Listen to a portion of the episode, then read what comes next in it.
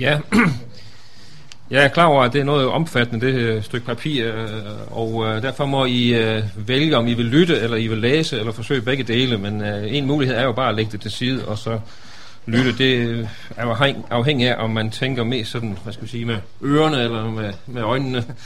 Så det må I hver især lige lægge op til. Men det er i hvert fald en hjælp for mig i nogle tilfælde her, at kunne henvise til nogle tekster her på, øh, på arket. Det første, jeg vil sige her, det er, at jeg har tilladt mig at begrænse emnet lidt. For det første, at jeg sætter fokus på Paulus. Og for det andet, så vil jeg også godt til indledning sige, at der er en del ting, som jeg naturligvis ikke kan komme ind på, fordi emnet er så stort, så man kun må, man, jeg er nødt til at vælge nogle temaer ud. Og så for det tredje, øh, så øh, synes jeg også, at det her emne jo har en meget aktuel øh, øh, betydning. Øh, en teolog, der hed Niebuhr, han sagde for mere end 60 øh, år siden, at en øh, trosbekendelse for en afslappet form for amerikansk kristendom, den lyder, jeg tror på en Gud uden vrede, som førte mennesker uden synd, ind i et rige uden dom, gennem en Kristus uden et kors. Og det er øh, for mig at se sådan noget af ansatsen til nu også at øh, beskæftige sig med, hvordan er det så den bibelske lære om Gud i Jesus øh, er. For det første, så øh, er Jesus jo altså en åbenbaring af Gud. Det betyder jo altså, at vi i vid udstrækning kan ty til udsagnene om Kristus, når vi skal øh, undersøge Paulus' skildring af, hvem Gud er. Når Paulus skal forklare, hvem Jesus Kristus er, så går han groft sagt to veje. For det første, så øh, viser han, at Jesus Kristus er opfyldelsen af de messianske forjættelser. I øh, 2. Korintherbrev kapitel 1, vers 20, der går Paulus da så vidt som til at sige, at alle Guds løfter har fået deres ja i ham, altså i Jesus Kristus. Altså med Kristus blev den messianske tidsalder indledt. Guds løfter fik i ham deres ja. Og Paulus går endda så vidt som altså til at sige, at det gælder alle Guds løfter. Uanset hvor mange løfter Gud har givet. Det giver simpelthen for Paulus ikke nogen mening at tale om uopfyldte løfter i Gamle Testamente. Det er altså en ensidig sag. Jesus er opfyldelsen af løfterne om øh, Messias. Den anden side er, at Jesus er åbenbaring af Gud selv. Gud har inkarneret sig. Han blev menneske i Jesus Kristus. Og belæg for den tanke har vi jo mange steder. Jeg har bare taget nogle enkelte stykker.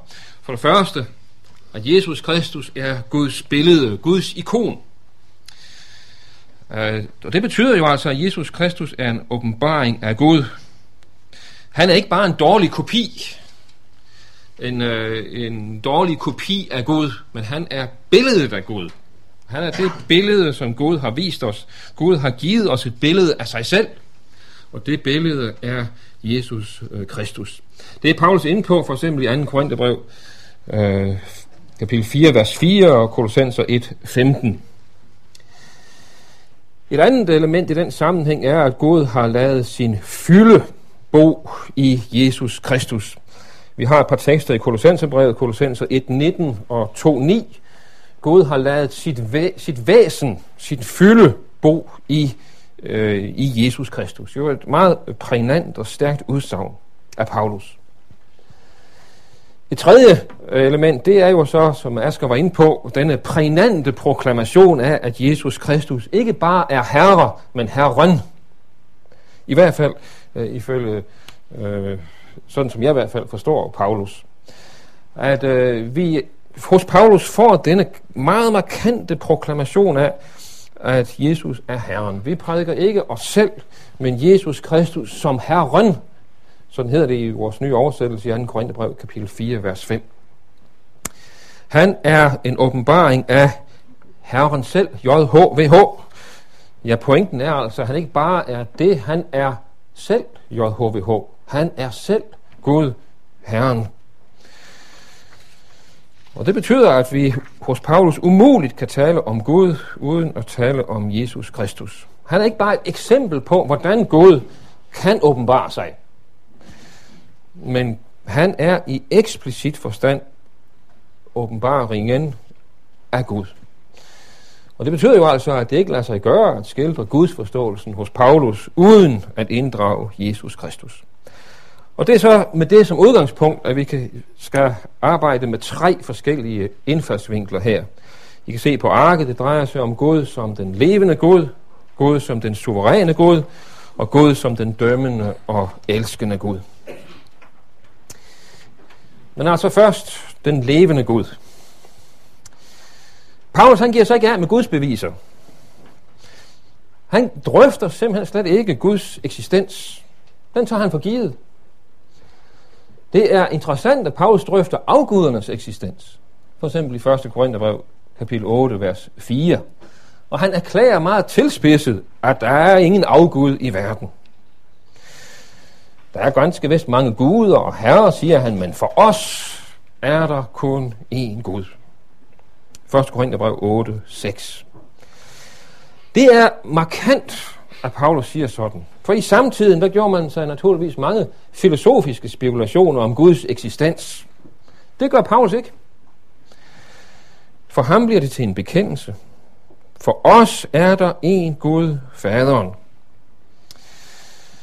Når Paulus skal skildre de vantro, så gør han det på den måde, at han siger, at de kender ikke Gud.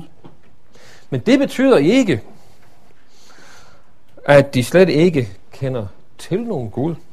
Men det betyder, at de ikke vil kendes ved Gud. Deres problem er ifølge Paulus ikke ateisme, men det er, at de ikke vil vide af Gud. De er fremmedgjorte for Guds liv, som følger deres uvidenhed og vankundighed. Sådan siger Paulus i Efterbrevet 4.18. Altså hedningernes problem er ikke oprigtige spekulationer om Guds eksistens, men det er deres hårde hjerter og formørkede tanker, siger Paulus. Hedningerne er ifølge Paulus uden håb og uden Gud. Og det er faktisk interessant i uh, Efterbrevet 4, at Paulus, nej, undskyld, i Efterbrevet 2, vers 12, at Paulus bruger ordet af til os, det vi kender fra ateisme. Det er det eneste sted i Nyt Testamente, vi har det ord af til os, ateisme. Han siger, at de er uden Gud. Men dermed mener Paulus jo ikke, at de er ateister. Nej, de er tværtimod polyteister. De tror på mange guder. Og Paulus erklærer altså, at de, der tror på mange guder i virkeligheden, er uden Gud. De er ateoi. De er ikke Guds fornægtere, men de er uden Gud. Og derfor, Paulus er slet ikke øh, konfronteret med ateister. Han argumenterer ikke for Guds eksistens. Den tager han for givet. Ja, Paulus går faktisk et modsat ud fra, at hedningerne kender Gud. Paulus taler om en naturlig åbenbaring, og han slår fast, at det, man kan vide om Gud, det ligger åbent for menneskene. Rombrevet 1, 19. Gud har åbenbaret det for dem, siger han. Guds usynlige væsen, både hans evige kraft og hans guddommelighed, er synlig siden verdens skabelse. Den er synlig nemlig i Guds gerninger, sådan som Paulus udtrykker det. Men Paulus går jo overraskende nok et skridt videre og påpeger, at hedningerne kender Gud. De har altså i en vis forstand en, en kendskab til Gud. Deres problem er ikke, at de ikke kender Gud. Det gør de. Deres problem er, at de ikke ærer og takker Gud som Gud. Altså, Paulus siger, at deres problem ikke er af intellektuel art, men de afviser og forkaster og kasserer Gud. Derfor er de uden undskyldning, siger Paulus, akkurat som jøderne er det. Altså, Paulus taler i en vis forstand om naturlig åbenbaring, og, så vidt jeg kan se, også i en vis forstand om naturlig Guds erkendelse. Paulus behøver ikke over for hedningerne at argumentere for Guds eksistens. Øh, for Paulus er det slet ikke et pointe, at Gud eksisterer. Og derfor er det også interessant, at Paulus aldrig kalder Gud for den værende eller det værende, det eksisterende. Og det er markant, for i 2. Mosebog 3.14, der har vi jo det her kendte udsagn af, øh, af Gud, jeg er den, jeg er.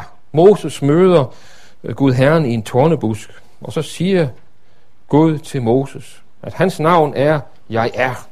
Jeg er har sendt jer til mig. Herren er, jeg er. Da man oversatte det her til græsk, der blev det jo så til, at Gud er den, der har eksistens. Gud er den værende. Og sådan tolkede man altså på græsk grund, da man skulle oversætte Gamle Testamentet, Guds navn. Gud er den værende. Men det er jo karakteristisk, at det benytter Paulus overhovedet ikke. Han benytter overhovedet ikke denne græske oversættelse af 2. Mosebog, kapitel 3.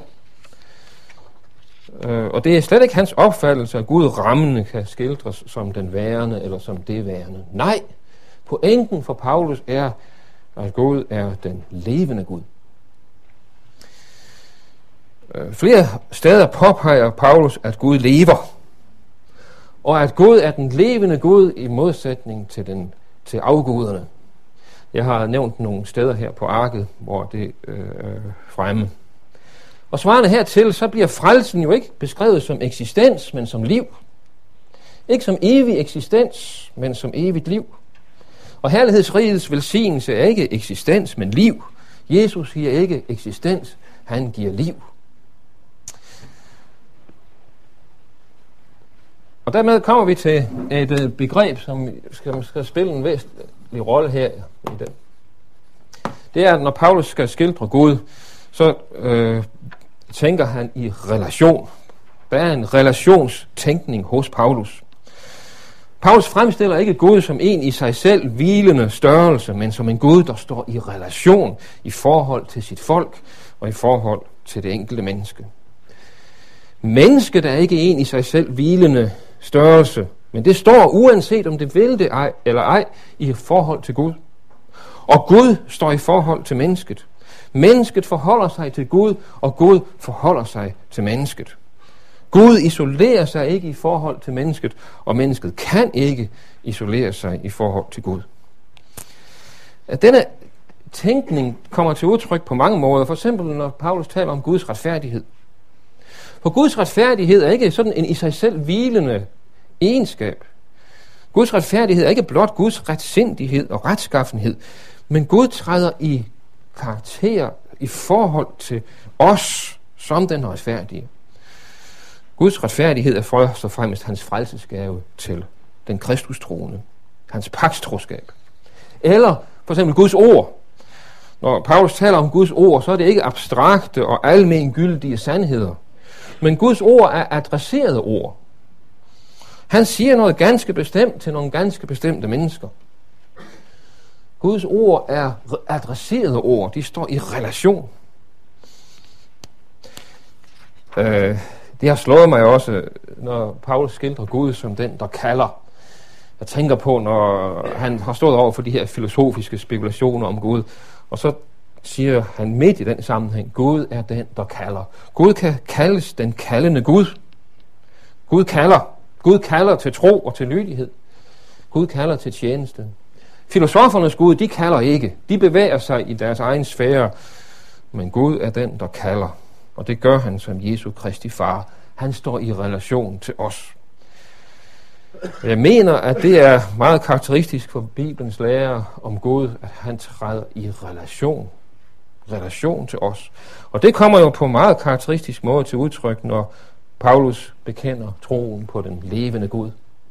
At Gud lever er ikke en bekendelse af Guds eksistens, men det er en bekendelse af, at Gud træder i forhold til os mennesker. Gud har liv for at skænke liv. Gud er den eneste, der har liv i sig selv. Gud er den eneste, der definerer sig ved sig selv. Gud har liv i sig selv, men ikke for sig selv. Gud skænker liv og træder i karakter som den levende og derfor livgivende Gud. Djævlen er en morder. Han tager liv. Gud er den levende Gud. Han giver liv.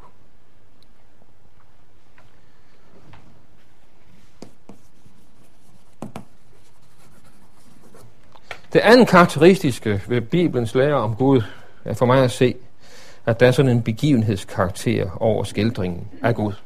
Gud er dynamisk. Gud er handlende. Gud er virkende. Gud er ikke statisk, men dynamisk. Gud er i bevægelse. Gud tager initiativ. Gud er ikke stillestående og uden forandring. En Gud, der ikke lader sig påvirke.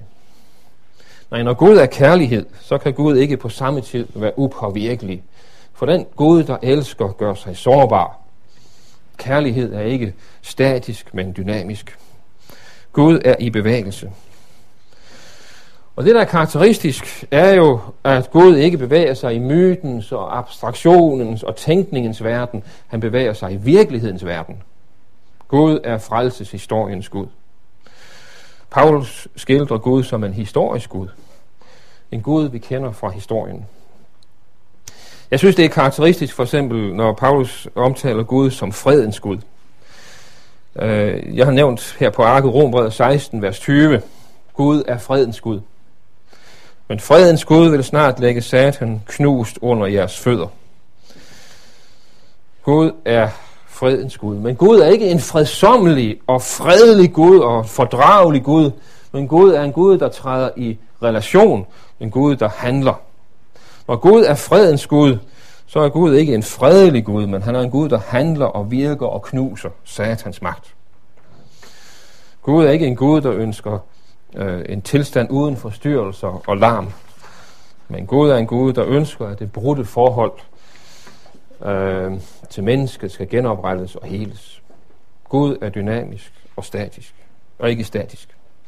Og det har naturligvis, som vi så var inde på, en stor betydning, at Gud netop har åbenbaret sig i Jesus Kristus. For her har vi først og fremmest åbenbaringen af Gud som den levende Gud. At Gud er den levende Gud, det åbenbares igennem konkrete historiske begivenheder. Gud er skaberen, der giver, alt, giver liv til al skabningen. Men Gud er altså den levende Gud, der gennem Jesu opstandelse gør levende. Det blev en historisk begivenhed, at Gud er en levende Gud. Det åbenbarede sig en dag i Jerusalem omkring år 30, at Gud er den levende Gud. Gud er historisk, og Guds handlen er historisk. At Gud er den levende Gud kommer til udtryk i faktiske historiske begivenheder. Jesus opstod fra dem, de døde, han lever. Det næste, det er skildringen af Gud som den suveræne Gud. For Paulus betoner jo, at Guds vilje sker. Begivenhederne sker ikke vilkårligt, men i overensstemmelse med Guds vilje. Og det angår ikke øh, alene de almene begivenheder, men jo i første række frelseshistorien. Frelsens begivenheder sker i overensstemmelse med Guds frelsesplan. Gud er den suveræne og mægtige Gud. Og en af de tekster, hvor det øh, kommer allerstærkest til udtryk, er for mig at se Rombrevet kapitel 9. Og her afviser Paulus jo, at der er uretfærdighed hos Gud. Og det er jo et anlæggende, vi har i Rombrevet kapitel 9, at Gud er suveræn og fri. Guds beslutning om udvælgelse står fast, ikke på grund af gerninger, men fordi Gud selv er Gud. Gud er den suveræne Gud. Gud lader sig ikke påvirke af menneskelige påhit. Øh, et forjættelsens ord blev ifølge vers 11 tilsagt Rebekka, at før en sønnerne var født og havde kunnet gøre godt eller ondt, så handlede Gud. Gud udvalgte, står der. Inden børnene blev født, så blev det sagt til Rebekka, at den ældste skulle trælle for den yngste. Guds forjættelsesord står fast, og det gør det ikke på grund af gerninger, men på grund af ham, som kalder. En stærk tekst har vi i Rombrevet kapitel 9 om Gud, der har frihed til at udvælge og til at forkaste. Mennesket kan ikke og skal ikke sætte sig op imod det, og kan heller ikke protestere imod det. Paulus vil altså vise, at Guds handlen har to sider. Jeg elskede Jakob, men havde Esau. Sådan hedder det i Rombrevet 9, 13. Guds ord og Guds gerning har en dobbelt karakter, siger Paulus. Hvor svært det end er for os at forstå, så har Guds ord en dobbelt karakter. Guds ord er et forjættelsesord og et forhærdelsesord. Og Paulus vil altså på den måde vise os, at Guds ord ikke har svigtet, når Israel har forkastet evangeliet. Og det er ikke så sært, at denne tanke om Guds ords dobbelte, dobbelte karakter må vække det spørgsmål, om der, der er uretfærdighed hos Gud. Rombrevet 9.14. Når Gud elsker Jakob, men hader Esau, Kan Gud da virkelig være retfærdig? Indebærer suveræniteten i Guds udvælgelse ikke, at der, at der bliver betalt om vilkårlighed? Indebærer det ikke, at Gud er uretfærdig? Ja, Paulus svarer på det spørgsmål med at henvise til to skriftsteder i Rombrevet 9, vers 15-18.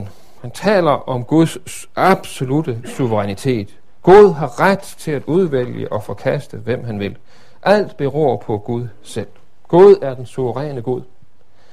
Han er ikke uretfærdig, men han viser noget og barmhjertighed mod, hvem han vil, siger Paulus. Alt afhænger af Gud, ikke af menneskers stræben og vilje. Og fordi Gud er Gud, er han suveræn, og hans handling påvirkes ikke af noget menneske. Alt afhænger af Gud, som forbarmer sig over, hvem han vil, og forhærder, hvem han vil. Alle mennesker står i tjeneste for Gud. Nogle mennesker tjener Gud bevidst og villigt, og andre tjener Gud ubevidst og uvilligt. Men uanset om man gør det villigt eller uvilligt, så er et hvert menneske et redskab for Gud, siger Paulus. Når det er sagt, så kan vi næsten ikke stå tilbage med andet end alligevel spørgsmålet, jamen er Gud der virkelig retfærdig? Er Gud der virkelig ikke en vilkårlig Gud, der forbarmer sig over et menneske og forhærder et andet menneske? Og det er jo helt klart, at det er ikke Paulus' mening. For han siger, at den Gud er barmhjertighedens Gud. Guds vilje er barmhjertighedens vilje. Gud er ikke afhængig af noget andet end sin egen barmhjertighed. Gud har indesluttet alle i ulydighed for at vise alle barmhjertighed, siger han i Romer 11, 32. Hvor svært det end kan være, så siger Paulus altså, at uanset om et menneske erfarer Gud som den, der viser barmhjertighed, eller som den, der forhærder, så er Gud barmhjertighedens Gud, og ikke nogen vilkårlig despot. Men spørgsmålet kommer så, jamen, hvordan kan, menneske, hvordan kan Gud så bebrejde os mennesker? Hvordan kan vi stilles til ansvar for vores handlinger? Det kunne jo se ud til, at vi ikke har nogen valg. Vi har ikke noget ansvar, hvis alt afhænger af Guds vilje. Og Paulus svarer så i 9.20 slet ikke på det spørgsmål. Han går slet ikke ind i en argumentation. Han henviser i stedet for til menneskets ringhed over for Gud. Det tilkommer ikke mennesket at gå i rette med Gud og gøre sig til dommer over Gud. Det formede kan ikke gå i rette med ham som former. Lige så lidt som pottemageren, som, som karret kan gå i rette med pottemageren. Mennesket er ikke i stand til at bedømme Guds handlinger. Men mennesket må stole på, at den suveræne Gud er den barmhjertige Gud. Gud er i sin suverænitet afhængig alene af sin egen kærlighed. I øh, vers 22-29 i kapitel 9, der skildrer Paulus så Guds suveræne barmhjertighed mod jøder og hedninger. Paulus siger, at Gud vil vise sin magt og vrede, men han har også båret over med vredens kar, der var bestemt til at gå til grund. Altså Paulus taler om kar, som er under vreden og som er reddet til at gå til grund. Og det må jo efter sammenhængen sigte til de vantro jøder. Og Paulus erklærer, at Gud forbarmede sig over dem, for at føre rigdommen på sin herlighed videre til barmhjertighedens kar, altså til hedninger. Indtil videre er jøderne vredens kar. De er underlagt Guds vrede. Men Gud vil vise langmodighed mod disse vredens kar, for at føre dem til omvendelse, så de også kan blive barmhjertighedens kar. Altså tankegangen er alt i alt, at Gud har braget over med vredens kar, og det har han gjort for at vise barmhjertighed. Men på en underfuld måde må Gud vise sin barmhjertighed gennem sin vrede, siger Paulus. Gud har båret over med de vantro jøder. Gud har i sin langmodighed brugt deres afvisning af evangeliet til at føre frelsesbudskabet ud til hedninger. På et tidspunkt vil jøden blive misundelig på hedningen, og jøden vil modtage frelsen. Og der skal det vise sig, at åbenbaringen af Guds vrede over vredens kar i virkeligheden tjente Guds barmhjertighed. For det, at Gud i sin vrede må føre evangeliet fra jøden til hedningen, tjener i sidste instans til, at jøden tager imod evangeliet. Den suveræne Gud er den barmhjertige Gud. Og den barmhjertige Gud er den suveræne Gud. Teksten her i Rombrevet kapitel 9 er altså en vigtig understregning af, at Gud er den suveræne, den majestatiske, den ophøjede Gud. Gud kan disponere, som det behager ham. Gud skal ikke spørge noget menneske til råds. Heller ikke, når det gælder Israels plads i frelseshistorien. Det menneske bedrager sig selv, som tiltror sig ret til at vælge og vrage mellem de acceptable sider af Guds væsen. Mennesket er ikke myndigt. I den forstand, at Gud skal stå til regnskab over for mennesket. Det er ikke mennesket, der har skabt Gud i sit billede. Gud er Gud. For Paulus er det givet, at Gud ikke lader sig forklare. Mennesket får ikke nogen logisk gennemskueligt billede af Gud. Paulus præsenterer ikke Gud på logikkens og fornuftens vilkår, men Gud er Gud, og Gud er i en vis forstand den skjulte Gud. Og så Paulus kan også tale om Gud som den åbenbarede Gud. Han er ikke åbenbar, men han er åbenbart. Gud er den åbenbarede Gud, men det betyder ikke, at Gud lader sig begribe. Det gådefulde i Guds handling fastholder Paulus. Gud er det, som intet øje har set. Uforklarlig og urensagelig og uudgrundelig. Mennesket kan ikke fjerne det paradoks. Gud er den anderledes Gud. Men for Paulus fører det ikke ind i indviklede tankeforestillinger eller i et bittert opgør med Gud, men det fører til lovprisning. Gud er ikke triviel. Gud er ikke den velkendte og forudsigelige Gud. Men Paulus er nærmest forbløffet over Gud, og han undrer sig, og denne undren fører til tilbedelse. O dyb af Guds rigdom og visdom og kundskab. Hvor urensagelige er hans domme, og usporlige er hans veje. For hvem kender Herrens tanker, eller hvem kan være hans rådgiver? Hvem har givet ham noget først, så han kunne gøre gengæld? Til fra ham og ved ham og til ham er alle ting. Ham vær ære til evig tid. Amen. Gud skal ikke forstås, Gud skal tilbedes.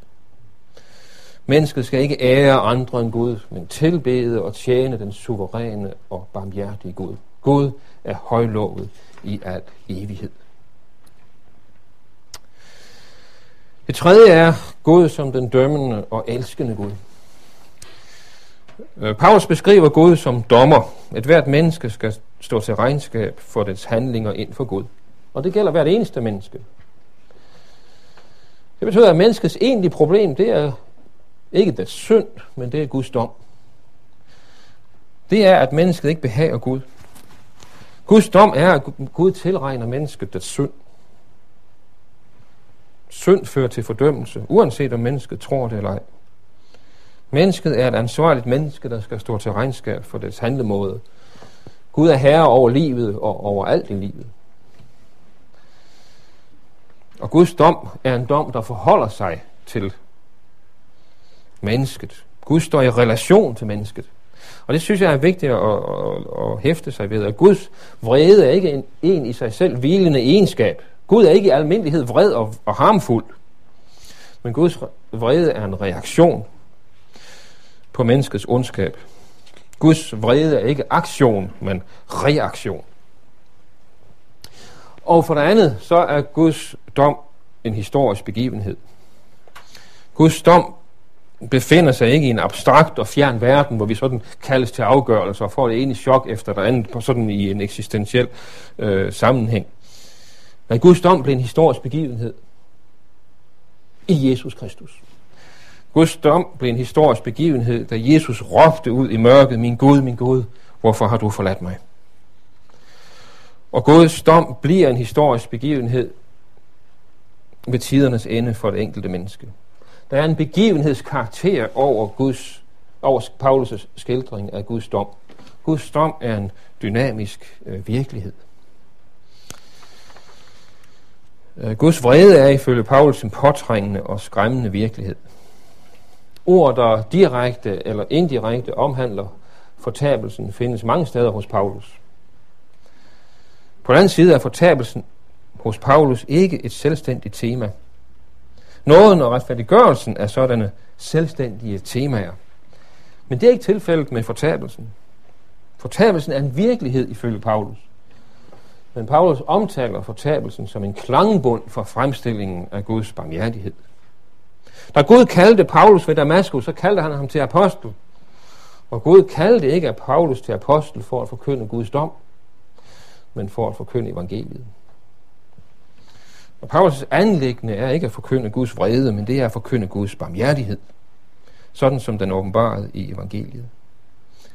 Og når Paulus skildrer verdens strafskyldighed over for Gud, så sker det som en basis for denne citrende forundring over Guds retfærdighed i Kristus Jesus. Paulus vil ikke vise, at Gud straffer, men han vil vise, at Gud elsker. Med andre ord så er talen om Guds vrede og om fortabelsens frygtelige mulighed. En, øh, det indgår i Paulus' forkyndelse og undervisning, men det er ikke forkyndelses anlæggende hos Paulus. Nej, forkyndelsesanlægnet er at proklamere ordet om korset, Jesu død og opstandelse. Han siger til korinterne, at han i sin forkyndelse ikke vil vide andet end Jesus Kristus og ham som korsfæstet. Og derfor kalder han også sit evangelium for ordet om korset. Paulus forkynder evangeliet, og dets indhold er kort sagt, at Gud elskede mennesket. Gud elsker svage og ugudelige mennesker. Han elsker syndere, han elsker fjender. Og den kærlighed er ikke bare en overbærende og nobel tolerance, en ædel mod et storsind, men det er en kærlighed, der tjener og offrer og handler. De troende er ikke elskværdige og elskelige, men de er elskede. Elskede af Gud. Gud er kærlighedens Gud. Og det betyder, at Gud tjener. Han tjener mennesket. Guds kærlighed er så gengribende og altomfattende, at Gud udleverer sig selv og gør sig sårbar. Den ophøjede og majestætiske Gud gør sig ubeskyttet og udleveret i menneskers hænder. Gud blot lægger sig selv over for mennesket. Gud har al magt, men han gør sig værveløs og udsat. Og her har vi jo virkelig også en, et eksempel på denne relationstænkning hos Paulus. For ifølge Paulus er Gud ikke en Gud, der i al almindelighed elsker. Gud er ikke kærlig og øh, elskværdig. Gud er ikke en Gud, der i almindelighed elsker. Men Gud elsker mennesket. Guds kærlighed har adresse. Guds kærlighed har et objekt. Gud elsker ikke generelt. Gud elsker konkret. Guds kærlighed har adresse. Adresse til det enkelte menneske. Gud træder i sin kærlighed ind i relation i forhold til det enkelte menneske. Og for det andet, så er Guds kærlighed en begivenhed. Guds kærlighed sker. Guds kærlighed er en historisk begivenhed. Guds kærlighed fandt sted. Den skete. Rombrevet 5.8. Gud viser sin kærlighed til os ved, at Kristus døde for os, mens vi endnu var syndere. Pointen for Paulus er ikke, at Gud elsker. Pointen er, at Gud elskede. At Guds kærlighed blev en historisk begivenhed i Jesus af Nazareth. Gud er ikke bare en, der øh, kommer med en kærlighedserklæring. Gud hæver ikke bare sin kærlighed og meddeler, at jeg elsker jer alle sammen. Nej, Gud handler. Gud sparede ikke sin søn, som det hedder i Rombrevet 8:32. Han gav ham hen for os alle. Jesus er den nye Isak. Den nye Isak, som ikke, som, som ikke blev sparet. Guds egen sårede søn. Et menneske med sårmærker og lesioner. Kærlighed er tjeneste. Den, der elsker, han tjener. Øh, det er en, der handler og gør noget for andre. Og det er Guds kærlighed jo et tydeligt vidensbyrd om.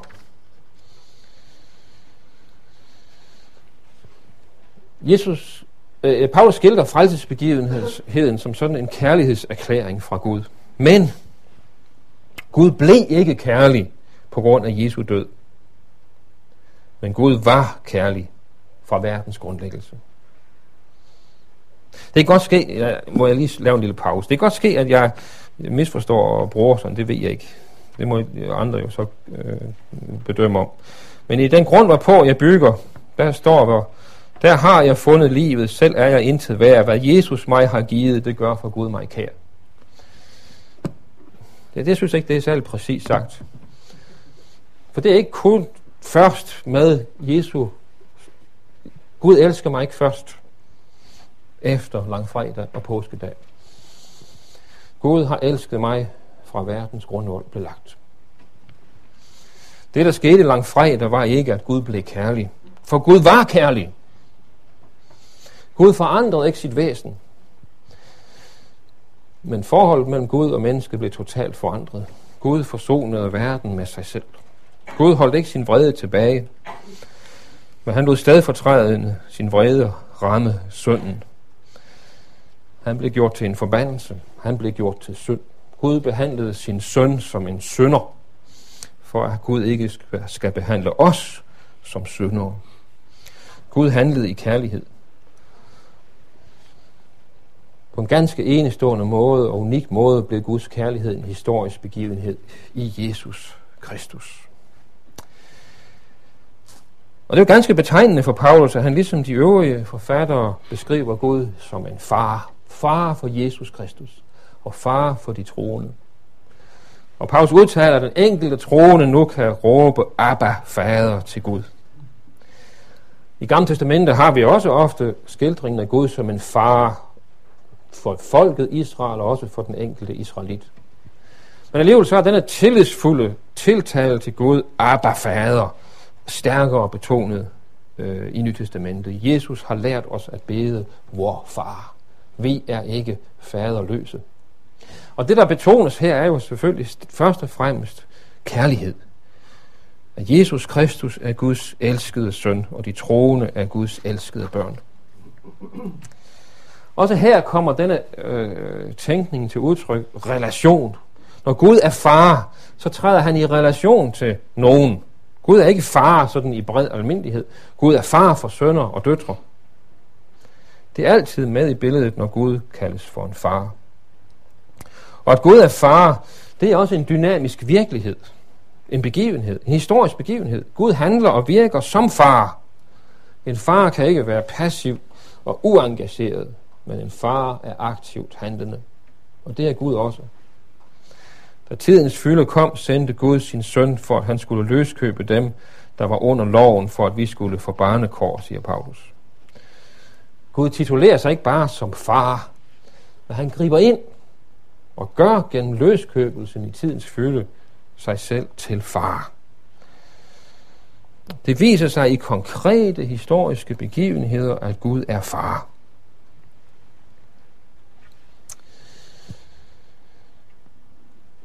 Paulus' skildring af frelsen sætter fokus på Guds gerning. Jeg har ofte vildt påstå, at troen for Paulus er kristocentrisk. I den forstand, at den alene sætter øh, fokus på Jesus Kristus og ham som korsfæstet. Og det er bestemt ikke løgn. Troen er en tro på Jesus Kristus. Men vi skal ikke miste blikket for, at troen i Nytestamentet er også teocentrisk, har sit centrum og sit anlæggende i, hvad Gud har gjort og vil gøre. Og nu har jeg nævnt her på arket en lang række eksempler på netop denne fokusering på Guds gerning. Inkarnationen, det er, at Gud sendte sin søn. Jesu død skildres netop som dette, at Gud ikke sparede sin søn, at Gud fremstillede Jesus som sonemiddel, at Gud forsoner og Gud soner, Gud løskøber, Gud afvinder sin vrede. Det, der sker i Kristi gerning, det er Guds gerning. Gud ramte sin søn med forbandelsen. Og derfor, når vi nu her i påsken skal følge Jesus langfredag, så skal vi se Guds gerning i det. Det samme skal vi påskedag. Det interessante er, at når Paulus skal skildre Jesu opstandelse, så skildrer han det ikke særlig ofte sådan, at det var Jesus, der opstod fra de døde. Han skildrer det gerne sådan, at det var Gud, der oprejste ham, opvagte ham fra de døde. Gud handlede, Gud opvagte sin søn fra døden. Jesu opstandelse tilskrives Gud. Jeg synes, det er for så vidt lidt misforståeligt at tale om, om Jesu opstandelse. Det er Guds opstandelse af Jesus. Det er Guds opvækkelse af Jesus. Gud, Jesu opstandelse er Guds gerning. For det tredje, øh, eller fjerde bliver det, Guds retfærdighed. Når Paulus lægger væk og skildrer for eksempel Guds retfærdighed, ja, så indebærer det jo altså, at Gud er retfærdig. Der lægges vægt på Guds handling. Retfærdiggørelsen er Guds gerning. Gud er den, der retfærdiggør. Det næste, vi troende er Guds børn. Paulus øh, fremstiller os jo ikke som Jesu børn, men som Guds børn. De troende er Jesu brødre, ikke Guds brødre. Det ligger jo helt uden for horisonten og taler om de troende som Guds brødre. Vi er Jesu brødre, men vi er Guds børn. Guds sønner og døtre, og Gud sørger for de troende og for deres behov. Tro fremstilles gerne hos Paulus som tro på Jesus Kristus, men tro er også tro på Gud, at stole på Gud. Abraham troede Gud, og det blev regnet ham til retfærdighed. Og den kristne tjeneste er en tjeneste for Gud. Det er lydighed mod Gud og Guds bud. Paulus kan sige, at de kristne er Guds slaver. De står i relation til Gud. Ubetinget lydige mod Gud. Guds slaver. Paulus skildrer ikke de troende som myndige mennesker, men som Guds slaver. For det 8. Det evige liv er Guds gave. Ved, Jesu, ved, ved de dødes opstandelse vil Gud give de enkelte troen et lame, siger han. Gud vil oprejse de døde, og døden skal besejres ved Guds gerning. Der kunne nævnes lang række andre eksempler, men det, der er min pointe her, er at få sagt, at når Gud, Paulus skildrer Gud, så skildrer han Gud som frelsens Gud. Afslutning. Vi kunne godt trække andre træk frem i Paulus' skildring af Gud. For eksempel, at Gud er skaberen, og Gud er den hellige Gud, og Gud er den ene Gud.